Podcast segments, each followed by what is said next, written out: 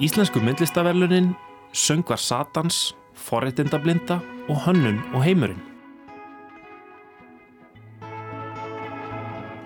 Í dag eru 30 ár frá því að íranski aðstiklerkurinn Ayatollah Khomeini hvað upp döðadóm yfir bresk-indverska rítöfundinum Salman Rushdie fyrir guðlast í skáldsögunni Söngvar Satans.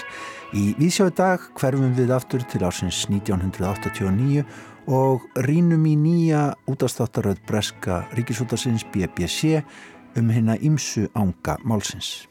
Halla Þorlaug Óskarstóttir veldir fyrir sér ósmekkleri og ósæmilegri fatahönnun og forréttindablindu sem virðist hrjá einhverja í tískuheiminum og við ræðum líka við nöfnu hennar Höllu Helgadóttur framkvæmda stjóra hönnunan miðstöðar Íslands um áherslur í því verkefni að koma íslenskri hönnun á framfæri við hinn stóra heim. Við byrjum á því að heyra hvaða myndlistamenn eru tilnæmdir til íslensku myndlistavelununa fyrir árið 2018 en verlunin verða veitt í næstu viku. Í dag er forvitnilegur dagur fyrir þá sem að unna íslenskri myndlist og fylgjast með þeim blómlega vettfangi. Því nú fáum við að vita hverjir það eru sem að tilhemdir eru til íslensku myndlistavelununa. Þau verða afhengt öðru sinni við hátilega aðtöfni í Yðnó þann 20. og 1. februar næstkomandi, sem sagt næsta 50 dag af viku liðni. Í fyrra var það Sigurður Guðjónsson sem var fyrstur myndlistamanna til að hljóta heiðurinn myndlistamadur ársins og auðurlóa Guðnadóttir hlaut kvartningarvelun ársins þegar að velun voru fyrst afhengt í fyrra. Það er myndlistar ráð sem að stendur að veluna veitingunni. En Hér á eftir ætlum við að heyra östut brot úr viðtölum sem tekin voru við þá fjóra listamenn sem að hljóta tilnefningu til heiðusins myndlistamæður ársins fyrir árið 2018. Viðtöl sem að voru tekin bæði í Víðsjá, lestinni og í menningunni, menningar sjónvastættinum. En nú er sá háttur hafður á að tilnefningar eru líka gefnar upp til kvartningavelluna ársins og þær eru eftir farandi. Auður Ómarsdóttir er tilnæmt fyrir síninguna Stöngin inn í Kling og Bang galeri í Marsjálfhúsinu og tilnæmninganendin segir að þar hafa hún skautað víti við svið persónleira reynslu og tilvísana í listasöguna og pop menningu. Lettleiki og tilrunagleiði listakonunar komi berlega í ljós. Síðan er það Fritz Hendrik sem að tilendur er fyrir síninguna Draumareglan einnig í Kling og Bangaleri. Og þar stendur meðal annars í raukstuðningi málverkið leikur í höndum Fritz Hendrik og það er augljóst á þessari síningu sem öðrum að hann hefur sérstakann hæfileika til að miðla intæki og ásetningi í hverjum þeim efni við sem hann velur sér. Draumareglan byggði á hugmyndum fræðimannsins skáldarar personu sem áður hefur bröði fyrir í verkum Fritz Hendrik um mikilvægi stöðurar svefnrútínu. Og þriðji myndlistamæðurinn sem tilnemdur er til kvartningavelluna ásins er Leifur Ímir Eyjólfsson fyrir síninguna Handrit í DSA Listasaps Reykjavíkur. Tilnefningarnæmt segir að Leifur Ímir hafi lagt sérstaka alúð við að tilenga sér tækni og aðferðir á borðið þrykk, ristur, stimpla og keramík. Á síningunni handrit hafa hann leitað tilbaka í hugmyndir sem að kviknuður námsárum hans. Þá þegar var brennandi áhugi hans á bókverkagerð vakin og hugmyndin var að gera blaðsýður úr brendum leir sem hver og einn stæði sem sjálfstætt bókverk. En á leirtöflutnar á síningunni sem að urðu til í hundraðatali voru máluð á þær tilfallandi orð og setningar sem listamæðurinn hafi skráð eftir sjálfum sér og öðrum um langt skeið. Þetta eru sem sagt þau þrjú sem að tilnæmt eru til kvartningavelluna ársins, auður Ómarsdóttir, Fritz Hendrik og Leifur Ímir Ejjólfsson. En það var alveg að grýpa niður í viðtöl sem tekin voru við þá fjóra listamenn sem að tilnæmdir eru sem myndlistamæður ársins í Íslensku myndlistavelunum Og fyrst ætlum við að grýpa niður í viðtal sem tekið var við Eigló Harðardóttur um síninguna annað rými í nýlistasafninu sem hún er tilnæmt fyrir. Tilnæmningarnemdin segir að með verkum sínum á síningunni sem voru í senn fínleg og stórkallaleg unnin í viðkvæman efni við opnaði listakonan fyrir gáttir sem áhórandin gatt smygt sér innfyrir og aukið skinnjun sína og næmi á kostnaðinnar vanabundnu rökhyggju. Eigló verðist umhugað um að áhárundur verkaðinnar skinni að ekkert eitt svar sér til að allar vítir hafi sama vægi og að upplifun þeirra geti verið persónuleg og án endastöðar. Heyrum aðeins hvað Eigló hafði um síningun að segja. Já, mér bauðst að sína hérna fyrir nýju mánuðum og þá var ég stödd á brentverkstæði í hérna, fylki að brenta bókverk og ég ákvaða að láta þetta bókverk verða svona eins konar nýsta fyrir restina af síningunni og bókverki heitir Anna Rými og fjallar um uh, litarými og einnig svona rými pappirsins pappirsverk sem þú getur breytt og, og leikið með. Í stað þess að nota eldri verk þá nota ég svona hugmyndur um eldri verk og til dæmis um, uh, verk sem ég vann 2007 þar sem ég fór í dálislu og kannaði svona innræðin lími líkamanns, svona sállíkamlegt rými.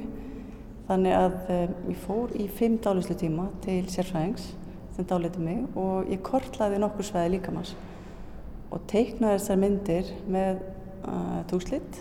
Ég vissi náttúrulega ekkert hver útkoman yrði en þetta gekk vel og þetta var gott samstarf við uh, konuna sem að dáliti mig og þessar myndir hef ég síðan sko unnið í nokkrum útvarslum. Hugmyndin með því að fara í þessa dálislu var að kortleggja uh, þessi svæði líkamanns uh, svona eins og þau væru svona grunnplan byggingar eða abstrakt tekningar. Þessi rými er í mörgum lögum. Það er þetta svona innra rými, svo er það bara bókstælit rými og rými sapsins er líka stór hluti af síningunni.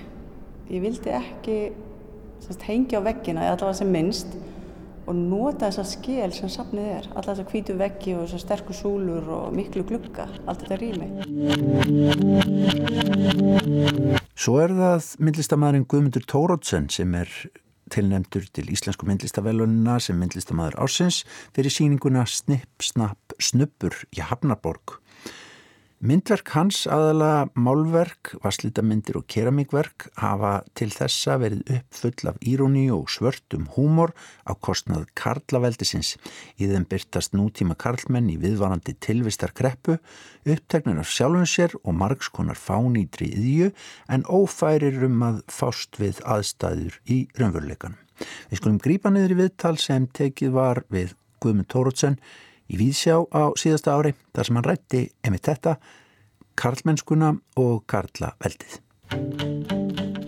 Pappi minn dó þarna 2010 og þá fórum að eitthvað svolítið að hugsa um sinn stað í goggunaröðunni eða keðjunni eitthvað meginn uh, og þá fór ég bara að hugsa um hugsa um hvar ég stæði þar og út frá því líka bara pælingar um, um feðraveldið sjálft og, og þetta samfélagsskipla sem við höfum búið við bara bara alltaf eiginlega, held ég.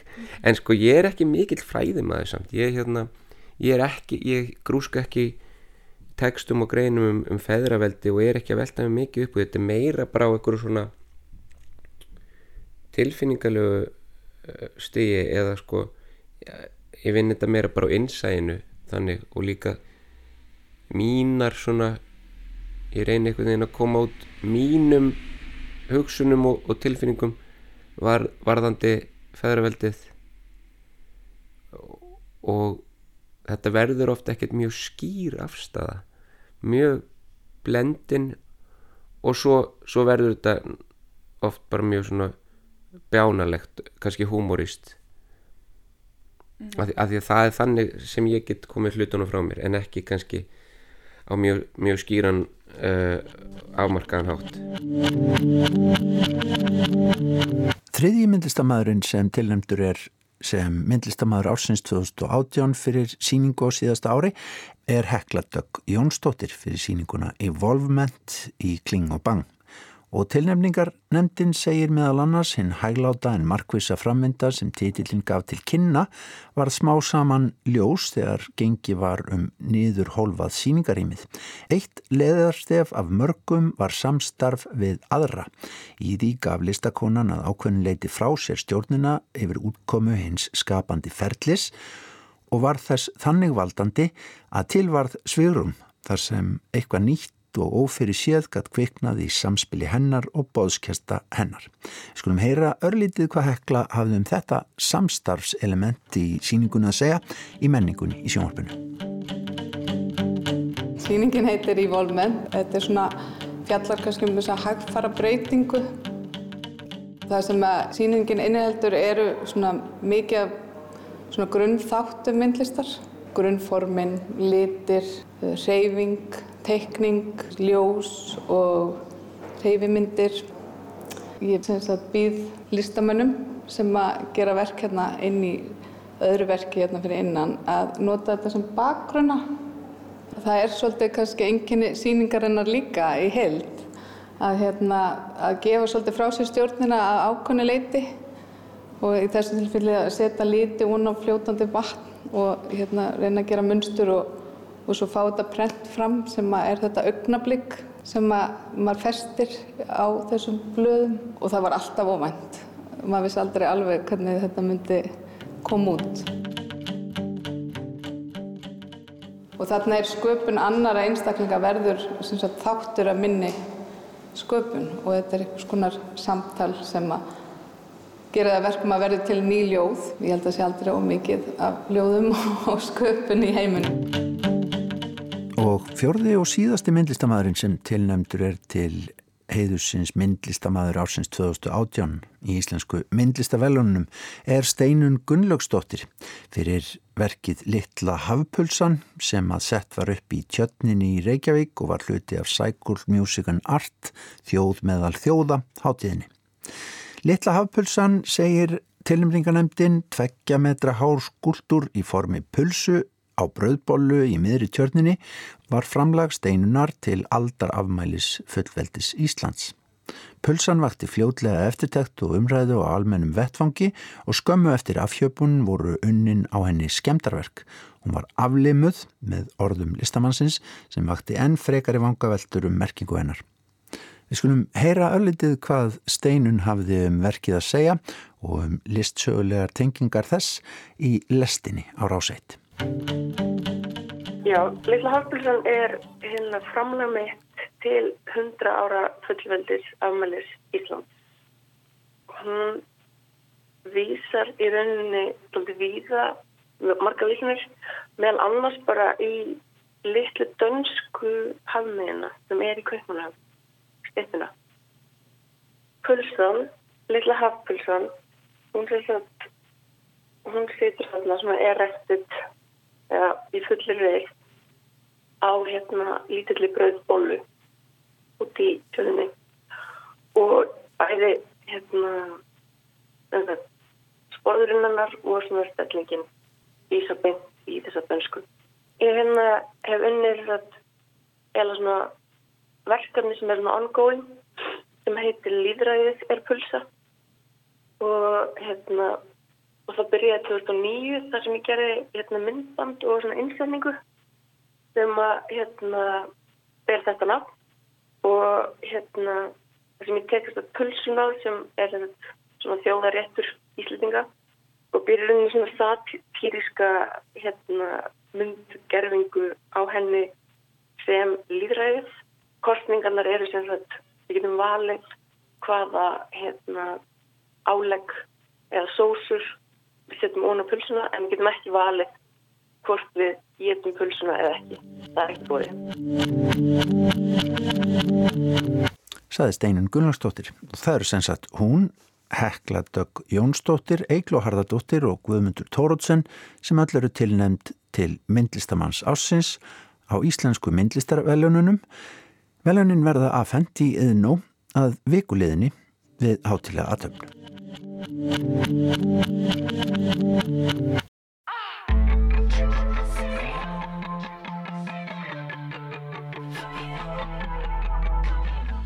Þorlaug Óskarsdóttir í Gautaborg er að velta fyrir sér ósæmilegri fatahönnun og forréttinda blindu.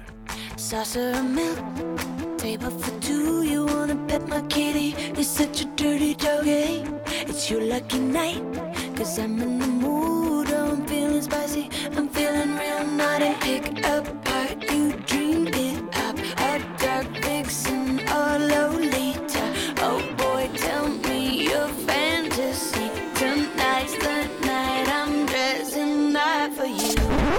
Fatahönnunar lína í eigu bresku söngkonunnar Katie Perry aftur kallaða dögunum skó sem voru framleitir í tveimur litum. Svinsbleikum og dökk brúnum. Á skónum voru augu, nef og eldrauðar þykkar varir. Þeir svinsbleiku vekja ekki upp menningarlegar tilvísanir við fyrstu sín en hinnir dökkbrúnu gera það samstundis. Vætir þú mannesku sem gengur um í þeim skóm Þá gefur að líta á hvorum fæti niðurlægjandi staðalímynd svartra, svo kallaða Gollywalks. Nafnið Gollywalk er dreyið af barnabókapersonu ennsk bandaríska auðvindarins Florence Kate Upton sem kom fyrst út á prenti í Breitlandi árið 1895. Þessi staðalímynd er oft nefnd blackface á ennska tungu. Er til eitthvað orð á íslensku yfir blackface eða gollywalk, spurði ég vini mín á Facebook þar sem mér dætt ekkert í hug. Félagi mynd bendi mér á að orðabók.is mælti með orðinu nægragerfi. Úf, hugsaði ég, mér langar ekki að nota það orð. Mér gekk sem sagt brusulega að finna íslenskt orð yfir það sem ég vildi segja. Það afhjúpar auðvitað margt um sögu okkar þjóðar eins og tungumál gera eðulega. En í raun og veru er orðið nægra gerfi kannski mjög gott. Orðið nægri er úrelt en orðið og með því að minnast þessi þessu samsettu orði þá er dreyin upp svo sorglega saga. En ég ætla samt í minni stöðu að láta þessa íslensku þýðingu vera.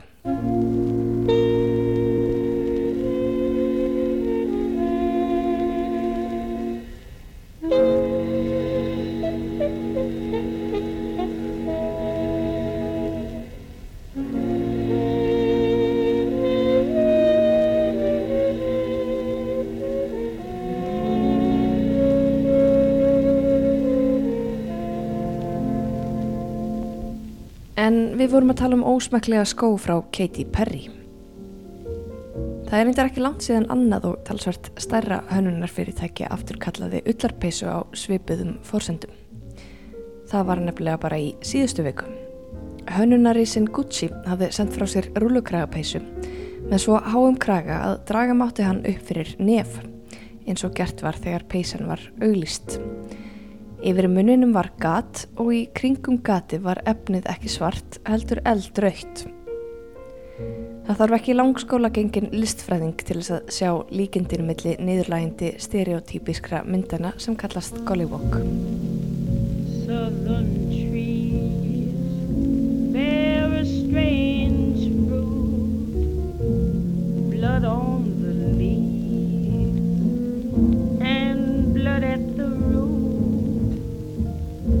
black bodies swinging in the southern breeze. Strange fruit hanging from the poplar trees. Eins kaltænislegt og það nú er þá er februar tilengaður sögu svartra í bandaríkjunum. Black History Month. Og þessi vika, önnur vika februarmánaðar, hefur reyndar verið tilengu þessari sögu frá árinu 1926 en var þá kölluð Negro History Week. Samfélagsmiðlar logaðu enda í síðustu vikum þegar Gucci viðræði forreitindablindu sína. Suður afríski skemmtikrafturinn Loiso Gola leti í sér heyra á Twitter og týsti að þar sem hann hefði ekki efni á Gucci væri sniðganga hans lítils magnug. Fyndið, en líka svo skelvilega satt. Því allt snýst þetta í gruninum vald og stjættaskiptingu.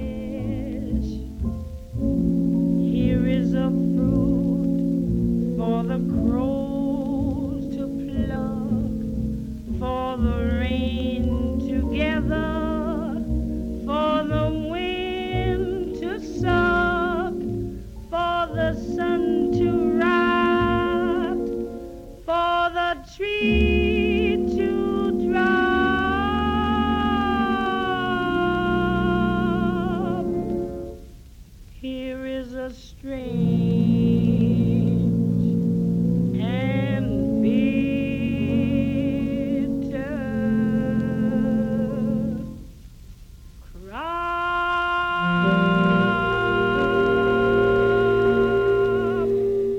Sænski listamæðurinn Makoti Linde hefur unnið mikið með þessa staðalímynd svartra, blackface eða gollywalks. Dökkmáluð húð, rauðar, þykkar, varir. Árið 2012 varð mikið uppþótt í samtímanlistasamni Stokkólms, Moderna Museet, þegar Lindi var fenginn til þess að hanna köku fyrir 75 ára afmælisháttíð hins sænska ríkisambands listamanna. Kakan sem borin var á borð var í læginu eins og Venus frá Willendorf, dökk brúnaða lit en þar sem höfuðið hefði átt að vera var gati í borðinu og þar stakk listamæðurinn upp eigin höfði. Máluðu eins og Gollywog með öllu tilheyrandi. Kanski er ágætt áður en lengra er haldið að taka það fram að fadir Makoti Lindi er frá Vestur Afriku og listamæðurinn sjálfur dökkur á hörund. Kakan ein og sér, allir sjálfur sér yngu uppþátti, heldur eftirmálar partísins. Það er að segja myndband sem sínir þáverjandi menningarmálar á þeirra svíþjóðar skera sér sneið af kökunni. Því það sem gerði samtímis var að listamæðurinn, höfuð kökunar, öskraði af sársöka. Viðstattir hlæja. Skell ekki upp úr en hlæja svona óþægilega. Svona, ég veit ekki alveg hvernig ég á að vera svo ég hlæ bara hlátri. Sænski reytuvendurinn Jóhannes Anjúru skrifur um þetta í bóksinni Ström af brottets barn sem kom út á síðasta ári og lýsir þessu sem atveki sem hafi opnað rifu á herbergi sem áður var myrt og nú flætti inn ljós. Ég veit ekki hvort menningarmálar á þeirran hafði eitthvað val, þannig séð. Hún var í ofinberi samkomu þar sem hún hafði ákveðið hlutverk að výja samkomuna. Hún mætti, henni var réttur nýfur, hún átt að skera fyrstu sneiðina. Hún reykur því nýfin í svartan líkamann. Kakan öskrar, hún fer að hlæja, heinir í herbygginu líka, allir kvítir. Hefði ráþurann átt að aftakka kökuna Hugsanlega. Viðbrökk samfélagsins voru sterk og það sé að vel krafist að hún segði af sér. En hvað hefði það þýtt hefði hún neitað að skera í kökuna? Notað vald sitt og neitað. Þetta snýst auðvitað um vald í grunin. Valda ójabægi. Mér grunar að ekki hefði neinumáli skipt hvort hún skæri eða ekki. Hún hefði alltaf verið kvít, valda mikil kona, anspænis svörtum útlima lausum kvenlíkama með nýf í hönd og sömulegis svörtum listamanni sem bað hann um að taka þátt í gjörningu sínum. Það er til nokkuð sem heitir forreitindablinda og við þjáumst flest af henni. Forreitindablinda er ekki það sama og vanþakleiti.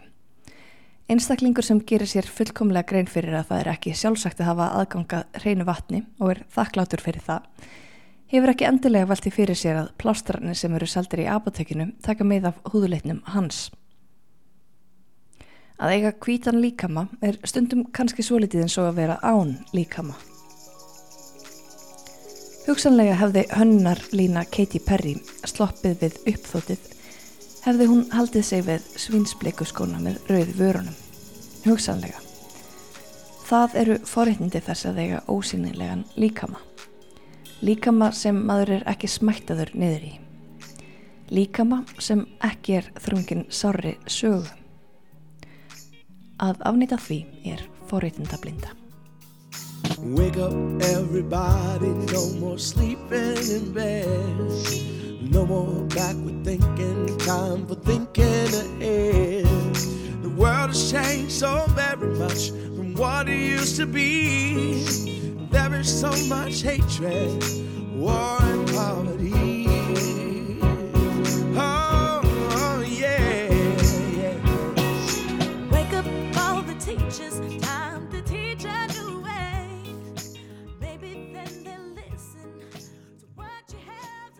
Stjórnvöldi í Pakistan ætlaði að kalla sendiherra allra íslamskra ríkja til ráðagerða um aðgerðir gegn bókinni Ljóð Satans sem margir Múhammeðstrúarmenn telja vera guðlast og móðgun við spámaninn Múhammeð.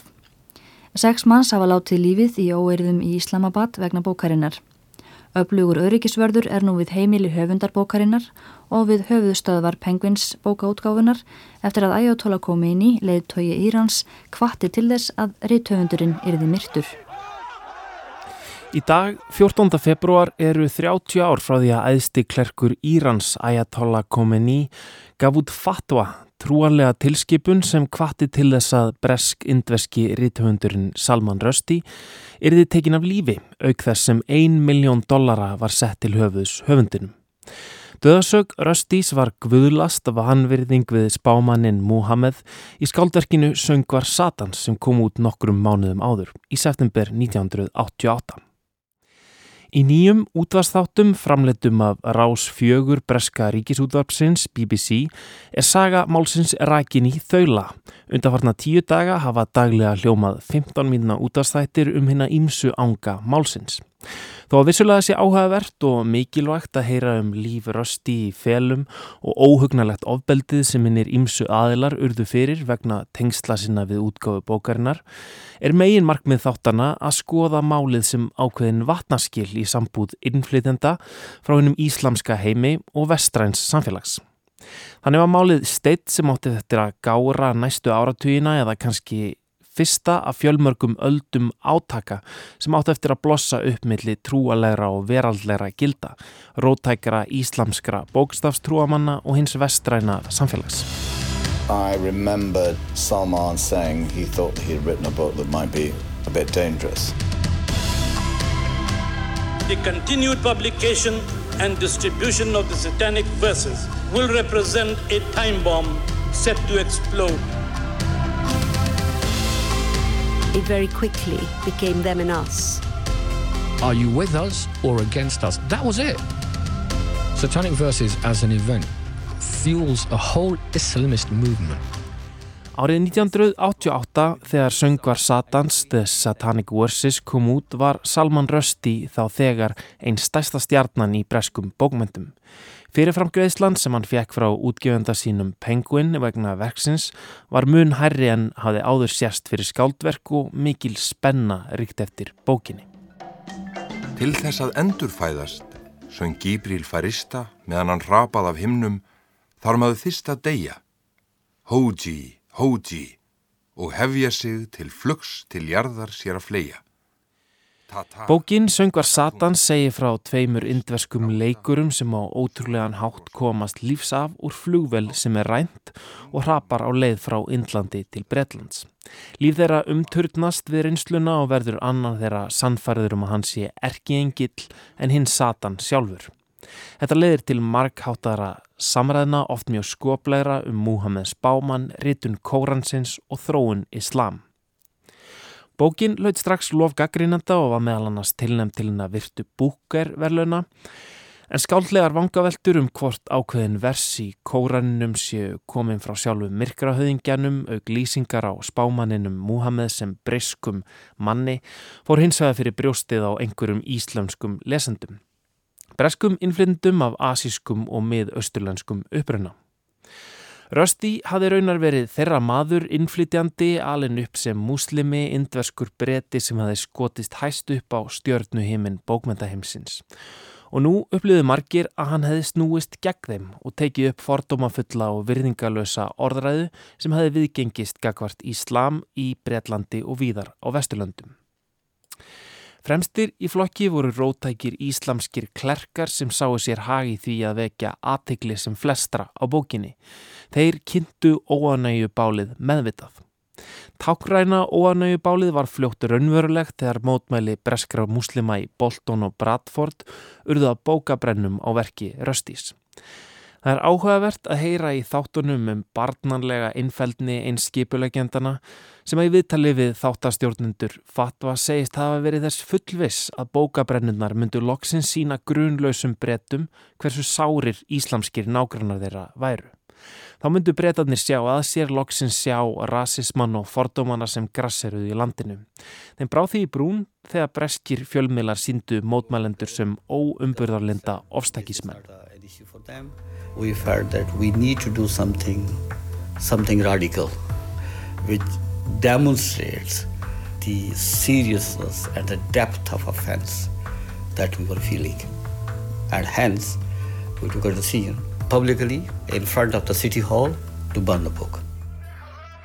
Þessu fögnuðu hins vegar rótæku bresku múslimaklerkarnir í þættinum heyru við í rött eins þeirra sem gekk hvað lengst í málinu. En í heimsók til Írans í byrjun árs 1989 vakti hann aðtegli aðstu ráðamanna íslamska líðveldisins á bókinni. Aðsti klerkurinn Ayatollah Khomeini hafði auðvitað ekki lesið bókina og ólíklegt að hann hafi nokkuð tíman gert það en hann tók kollega sinn á orðinu. Þáttastjórnendur fatva vilja meina að Ayatollan hafi á þessum tíma verið sérstaklega beiskur og vígreifur eftir að hafa neðist til að semjum frið í stríðinu við nágranna þjóðuna Írak nokkrum mánuðum áður. Hann þurfti eitthvað til að dreifa aðtikli sinni og þegna sinna. Og á valentínusardaginn sjálfan 14. februar 1989 fyrir 30 árum í dag líst hann yfir fatva trúalegri tilskipun um að Salman Rösti og allir þeir sem komu að útgáfu bókarinnar Söngar Satans væru réttræpir. Hann stóð svo fyrir því að Ímis samtök í Íran söpnuðu 1 miljón dollara sem sett voru til höfðus rithöndinum. Málið held áfram að vinda upp á sig á næstu mánuðum og árum brettar slitu stjórnmálasambandi við Íran og um allan heim var deilt heiftuðlega um mörg eða markaleysi tjáningafrelsisins. Ítrygguð mótmæli fóru fram hvegt var í bókabúðum, morð og misefnuð morð til ræði við þýðendur og útgefundur. Fyrsta árið flutti Salman Rösti oftar en 50 sinnum og í meira en áratug fór hann huldu höfði og lengi í fyllt lífvarða. Á Íslandi kom bókin út árið 1989 í þýðingu Sverris Holmarssonar og Átna Óskarssonar. Mál og menning gaf út verkið og þetta hafði Haldur Guðmundsson útgefandi að segja um málið í viðtali við rás eitt fyrir nokkrum árum. Ég er allavega stoltur af því að við gerðum þetta og, og, og, og það var hérna ánægilegt, það þetta, sko, telst ekki sérst að hetju afreg að minni hálfu því að, því að það voru, ég man eftir einhverjum símtölum frá lögreglunni og einhverju svona, það, það var auðvitað ekkert sem gerðist í raun og veru á Íslandi maður, maður sá þetta svolítið á, á bókasýningum erlendis síðan og eftir þegar að til dæmis í Frankfurt vildur alltaf setja vakt við öll forlög sem hefðu komið nált þessu. En, en í sumum löndum var þetta döðans alvara. Það let fjöldi manns lífið í kringum mótmælinn sem voru. Það voru sprengtar upp bókabúðir víða. Ef ég mann rétt þá var hann myrtur japanskur þýðandi verksins. Uh, og ég held að það hafi verið 91 og það var hann var særður alvarlega ítalskur þýðandi. Og sömulegðis uh, var gerð skotáras 1993 á, á norskan útgefanda verksins William Nygård sem jáfnframt var mikil vinur eh, Salma Rústi og hafi beitt sér uh, mjög í þessum málum. Hann, sem talsmaður líka norska penklúpsins og, og mönnum fannst á þessum tíma að þetta veri algjörlega ófrávíkjanlegur réttur eins og, eins og Rústi orðaðan og ekkert tíma sjálfur að, að það, það er ekki málfrelsið er ekki mikils virði. En við erum sviftur réttunum til þess að móka fólk. Í fatva nýjum útvastáttum fjórður ásar Breskaríkis útvarpsins BBC um röstímálið kemur fram að langt í frá allir vestræni muslimar hafi verið fylgjandi döðadónum yfir Salman Rösti. Í Breitlandi börðust hófsamari muslimar fyrst og fremst fyrir því að koma í gegn breytingum á bresku guðlaslaugjöfinni svo næði ekki aðeins yfir kristni. Hins vegar fengu rótækustu muslimaklerkarnir að skilgrina umræðina, fjölmilar og stjórnmálamenn veittu þeim áherin og liðu þeim á vissanhátt að verða talsmenn allra muslima. Þeir veigruðu sér ekki við að ala á sundrungu millir muslima og hennar trúlausu vesturlandabúa. Í kjölfarið var svo jáfnvel frjálslindustu muslimum stilt upp við vegg og þeir gerðir ábyrgir fyrir döðadónum eða stóð ekki algjörlega með bókmentaverki rösti. Í þættinum heyru við frá asísk breskum ungmennum sem hafðu ekki yfkað trú fóldra sinna en fengu áhuga á Íslam vegna málsins. Og sá fleigur sem rekin var melli muslima og frjálslendra vesturlandabúa ítti þeim út í rótæka trúalega vakningu sem í einhverjum tilfellum endaði í rótækustu og ofbeldisfylstu kímum íslamskrar bókstafstrúar. They're just putting me into a label. You brown Muslim person, now tell me what side are you on? Are you with these intolerant mullahs or are you with us enlightened liberals? Og ratirnar sem heyrast í þættinum eru enn fjölbreyttari. Við heyrum í hægri augamanni og þjóðirni sinna sem segir að röstímálið hafi fyrst vakið aðtegli breskra kynþáttahattara á Íslam sem heppilugum erkjófin. En áður hafi húðilittur, svartur, brútin eða gulur verið helsta viðfangsæfni hatust þeirra. We knew everything about the Diverse the British Asian community was. And we just watched it all unfold and, and we also got a stark idea about actually how many Muslims there were living in the north of England. Salman Rushdie was such a gift. Og ætt síðan hafa evróskir þjóðurnir sinnar og kynþáttahatarar fyrst og fremst náðin í megin ströym evróskra stjórnmála vegna áherslu sinnar á Íslam og þar sem þið vilja meina sé ósamrýmanleiki ofstækisfullra trúabræða muslima við frjálslind vestræn gildi. Báðir öfgahópanir hafa þannig smíða sínar eigin kenningar um alheims samsæri anstæðinga sinna á meðan muslimaklerkarnir helduði fram að muslimahatarar hafi greitt rösti fyrir að atua hversu langt væri hægt að ganga í vanverðingu við Íslæm fóru evróskir þjóðurnisennar að halda því fram að muslimar alluðu sér að taka yfir Vesturlönd með sjarjalögum og halalkjöti í skólamötuneytum. Ef greining þáttastjórnunda er rétt má segja að röstímálinu sé hverginæri lokið 30 árum eftir að dauðadómur var kveðin upp yfir rituöndunum. Málið var einn af uppafspunktum hinnar nýju kynþáttahyggju og bylgu þjóðnispopulisma sem enn rýður yfir Evrópu og það ítti íslamskum innflytendum í Evrópu lengra út á jæðarinn þar sem þeir eruðu einangrari, bókstafstrúari og ofbeldisfyllri. Og málinu er ekki heldur lokið vegna þess að dauða dómurinn fatwa er enn í fullu gildi þó að Íranska ríkið hafi gefið út þá yfirlýsingu að það muni hvorki hvetja nýja letja menn til að myrða rösti getaðu ekki felt úrskurðin algjörlegur gildi. Fatwa er trúalegur úrskurður aðsta trúaleitu að síja muslima eins konar íslamskur páúrskurður. Og þó að Salman Rushdie lifi ekki lengur í felum þá er ljóstað ógnin frá ofbeldisfullum heitrúamönnum mun seint hverfa. Og síðustu vikum hér í Víðsjá höfum við verið að velta fyrir okkur listunum íslensku og, og hvernig þær blandast og ferðast um heiminn skulum við segja. Hvernig ímsa miðstöðar sem að hafa með málumni listan að gera reyna að koma þeim á framfæri við umheiminn og nú ætlum við að snúa málum að hönnun og hingaði komin Halla Helgadóttir sem er framkvæmda stjóri hönnunarmiðstöðar Íslands. Velkomin Halla.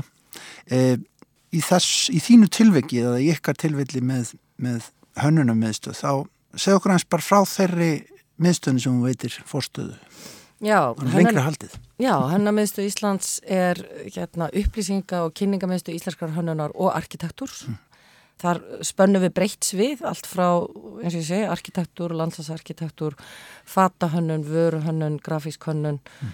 og uh, ég get aldrei talið allavega. Já, áfram og áfram og áfram, Hús, húsgögn og innan hús. Húsgögn innan hús, já, uh, og hérna guldsmíði, keramik, textil þannig að þetta er, þetta er ólíkir hópar sem saminast þannig í hönnamiðstöð og okkar hlutverk er að íta undir vöxt þessara greina feist og fremst hér á Íslandi og efla þær sem hluta af atvinnulífi en einnig kynna þær náttúrulega hér á landi og erlendis. Mm.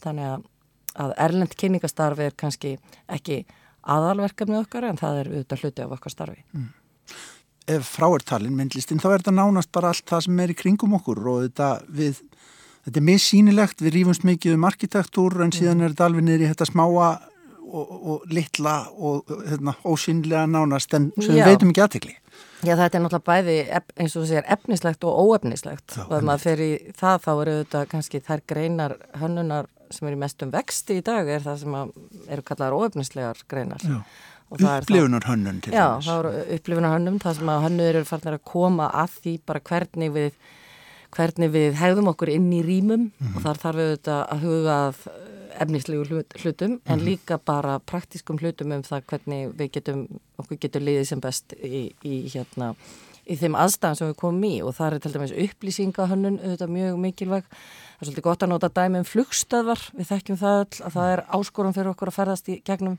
til dæmis flugstöðar mm. Örvarnar í gólfinu alltaf Já, og meira en það, skildi Já, mm. og það að hanna til dæmis skildi og leiðakerfi og bara letur og upplýsingar inn í flugstöðum er alveg sér grein Já. og það er ekkert gert bara svona með vinstri er rétt ímyndaður ef það er illa gert hversu mikið vandamál það getur skamað og hérna jújú, jú, síðan eru þetta hönnun í stafrænum heimi Já. það er gríðlega mikið og svo í rauninu hönnun sem uh, aðferðafræði ráðgjöf við bara stefnumótun og, og bara breytingastjórnun og nýsköpun er mm. líka greinar sem eru í, í vexti og í rauninu, uh, já, hönnunar svona, þess að margir þekkja að design thinking. Já. Hugsun einmitt, já, já, og það er bara aðferðafræði til þess að leysa uh, áskorunir og, og, hérna, og verkefni. Já, einmitt. Já. Sko, við vorum aðeins að ræða hérna um daginn málumni tónlistarinnar og þar kemur þetta einmitt sko fram að það er ekki alveg sama hvort þú ætlar að koma til dæmis síkildu tónverki á, á framfæri við um heiminni eða hvort þú ætlar að koma ja, heavy metal bandi eða, eða -hmm. hvað það er sko -hmm. Eh, þetta er náttúrulega fyrir þig að stýra miðstöð sem er með alla þessa greinar mm -hmm. er það ekki bara sko þarf ekki að skipta eh, hérna, heilaberkinum upp?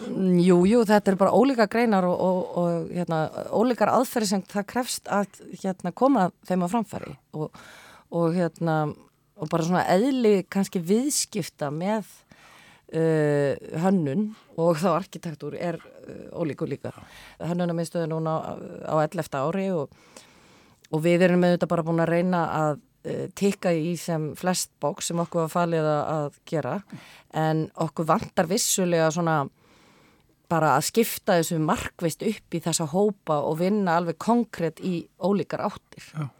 Og þar til dæmis getum við bara nefnt eins og arkitektúr ég meina það er kannski að sumuleitin nokkuð einfaldur vettangur og fyrir gefiði, ég meina ekki þannig en sem sagt En ef þú ætlar að að stunda eitthvað al, alvöru kynningastarf á arkitektúr þá er það auðvitað arkitekta bíenallin í finni sem er annarkvært ár mm -hmm. sem er vettvangurinn fyrir það.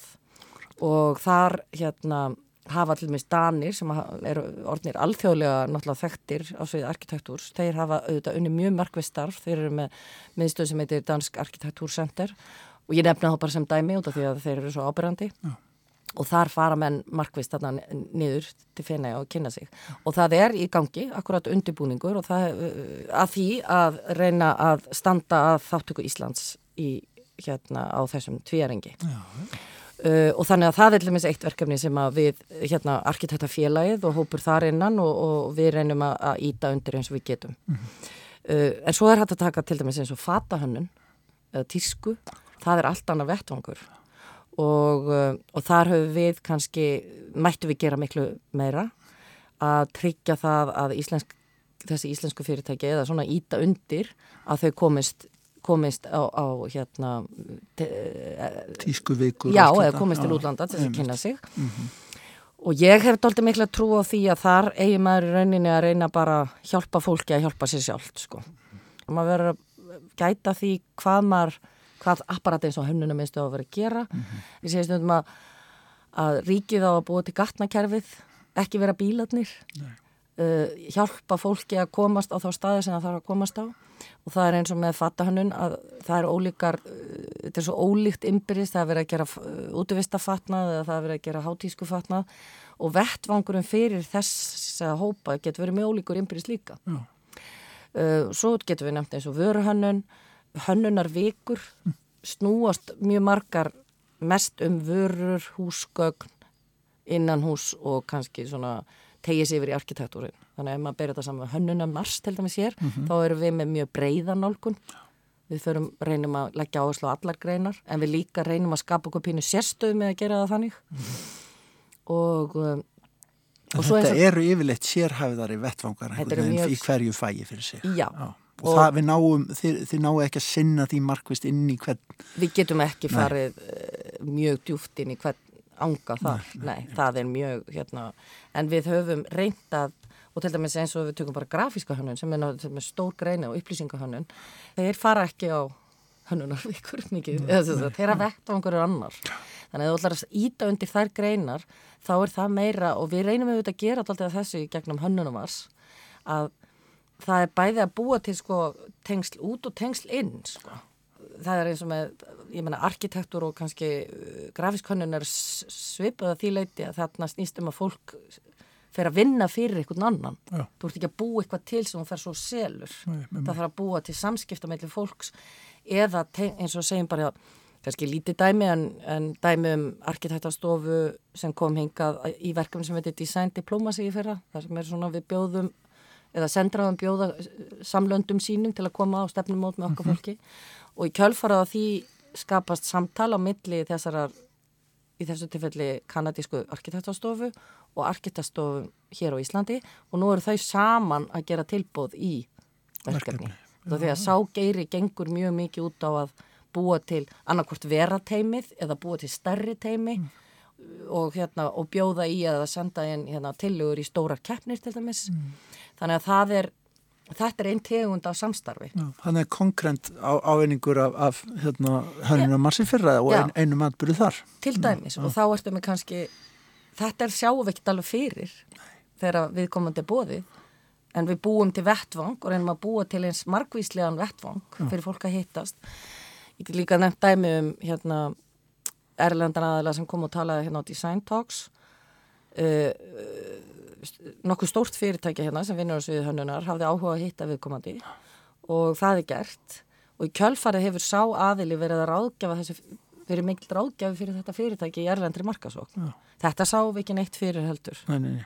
þetta er rosalega ósýnilegt. Já, en þetta er svona og þetta er kannski aldrei svipað og við vorum að ræða bara við sigtrygg hjá útflutningsmiðstöð íslenskar tónlistar það er að vera einhvers konar tengiboks bara við útlönd, það er hægt að plögga inn og út og, og ná einhverjum tengslum auka fámönsku mm -hmm. og, og hérna svona íta með ja. verkefnum. Og þannig að sko og það er auðvitað það sem, og kannski er það það sem við gerum öll út af því að það er það sem við getum gert við erum hérna, við erum til staðar við reynum að mhm. búa til einhverjar einhver, einhver tengingar á milli og með því verður til nýtt samstarf sem að við sjáum ekki og sjáum ekki fyrir bara svolítið setna, alltaf nú kom það Já, fór þessi bolti, ég fór þessi boltarúla og hérna, sem er auðvitað alltaf mjög gleðilegt þannig að maður fréttir að þeim. Sko stundum er viðeigandi að við búum til verkefni og förum með fólk eitthvað. Mm -hmm. en það getur verið líka samt mjög, maður þarf að fara varlega í svoleiðis verkefni út af því að stundum er verið að setja saman hópa sem að kannski eiga ekki svo vel saman og hjálpa ekki hverjaður með innbyrðis. Þess að þá er ég meina innihald verkefni eða er ólíkt og svoleiðis og þannig að prinsipið sem við höfum allavega verið að vinna með er meira, eins og ég var að segja á þann að hjálpa fólki að finna ekki ætla, ætla okkur að vera allt. Reyna að hjálpa fólki að hjálpa sér sjálf Já, sko. og hönnuna sjóður er svolítið hugsaður einmitt út, út frá því. Það sem er sko rannsóknar og þróun er eitt svona kablinn og verkefni útfæslur og síðan er markasótt og hérna markasókna og, og útflutningur. Mm. þannig það ertu með einum sjóði allt frá í rauninni það sem verður kannski eftir að kalla bara frumrannsóknir eða list nánast ja. yfir í bara útflutning og konkrétt viðskipti. Svona svo deltaskipting nánast. Já, og hún er fylgja líka ferðastyrkir. Og þar sko, til dæmis sem er gríðarlega mikilvægt þar erum við að veita held ég 60 styrkja ári þar sem fólk er að fara í allskens erendagjörðir allt frá því að, að vera bara í viðskipta stefnumótum Eh, verið í leita framleiðundum eða efnis sagt, mm -hmm. finna útfærslur fyrir sína, sína vörur uh, listsýningar uh, ráðstefnur, samtöl allskynsverkefni ja. við myndum gætna vilja og erum að vinna í núna og höfum talað alltaf mikið fyrir og erum núna til og með sér Íslandsstofa uh, er verið að endur gera hana svolítið ja.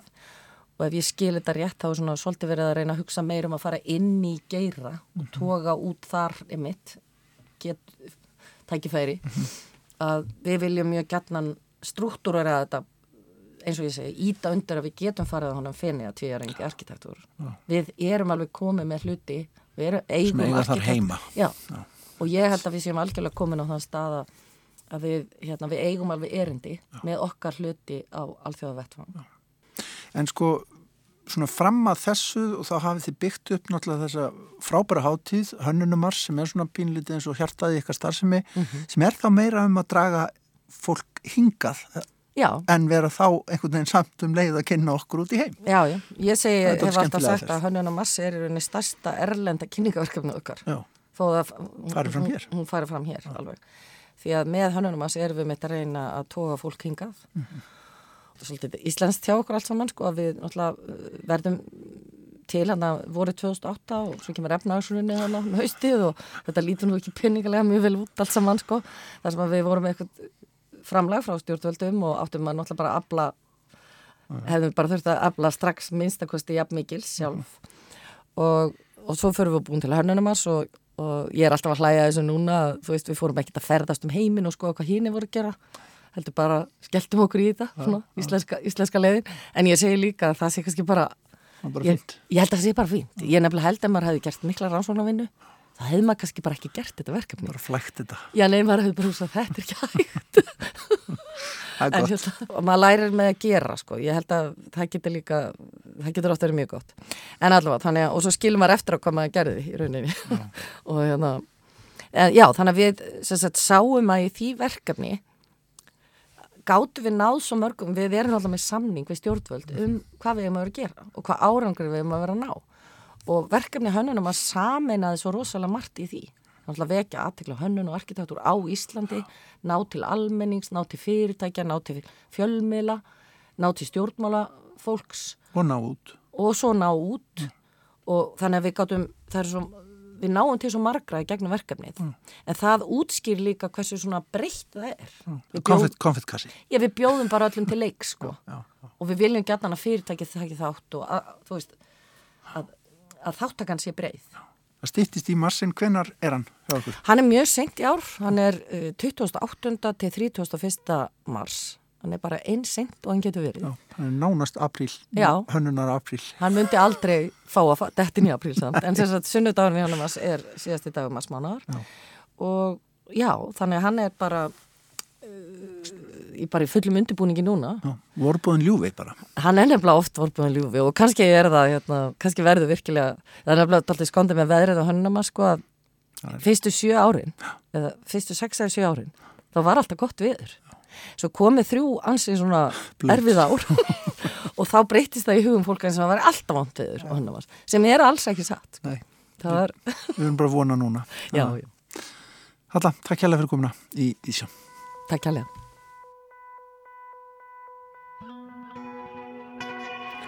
Hann rætti Guðni við höllu Helgadóttur frangatastjóra hönnunamiðstöðar.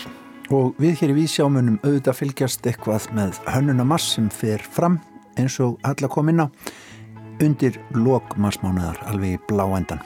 En svona ljúkum við Vísjá í dag á getur hlustendur. Verðið sæl.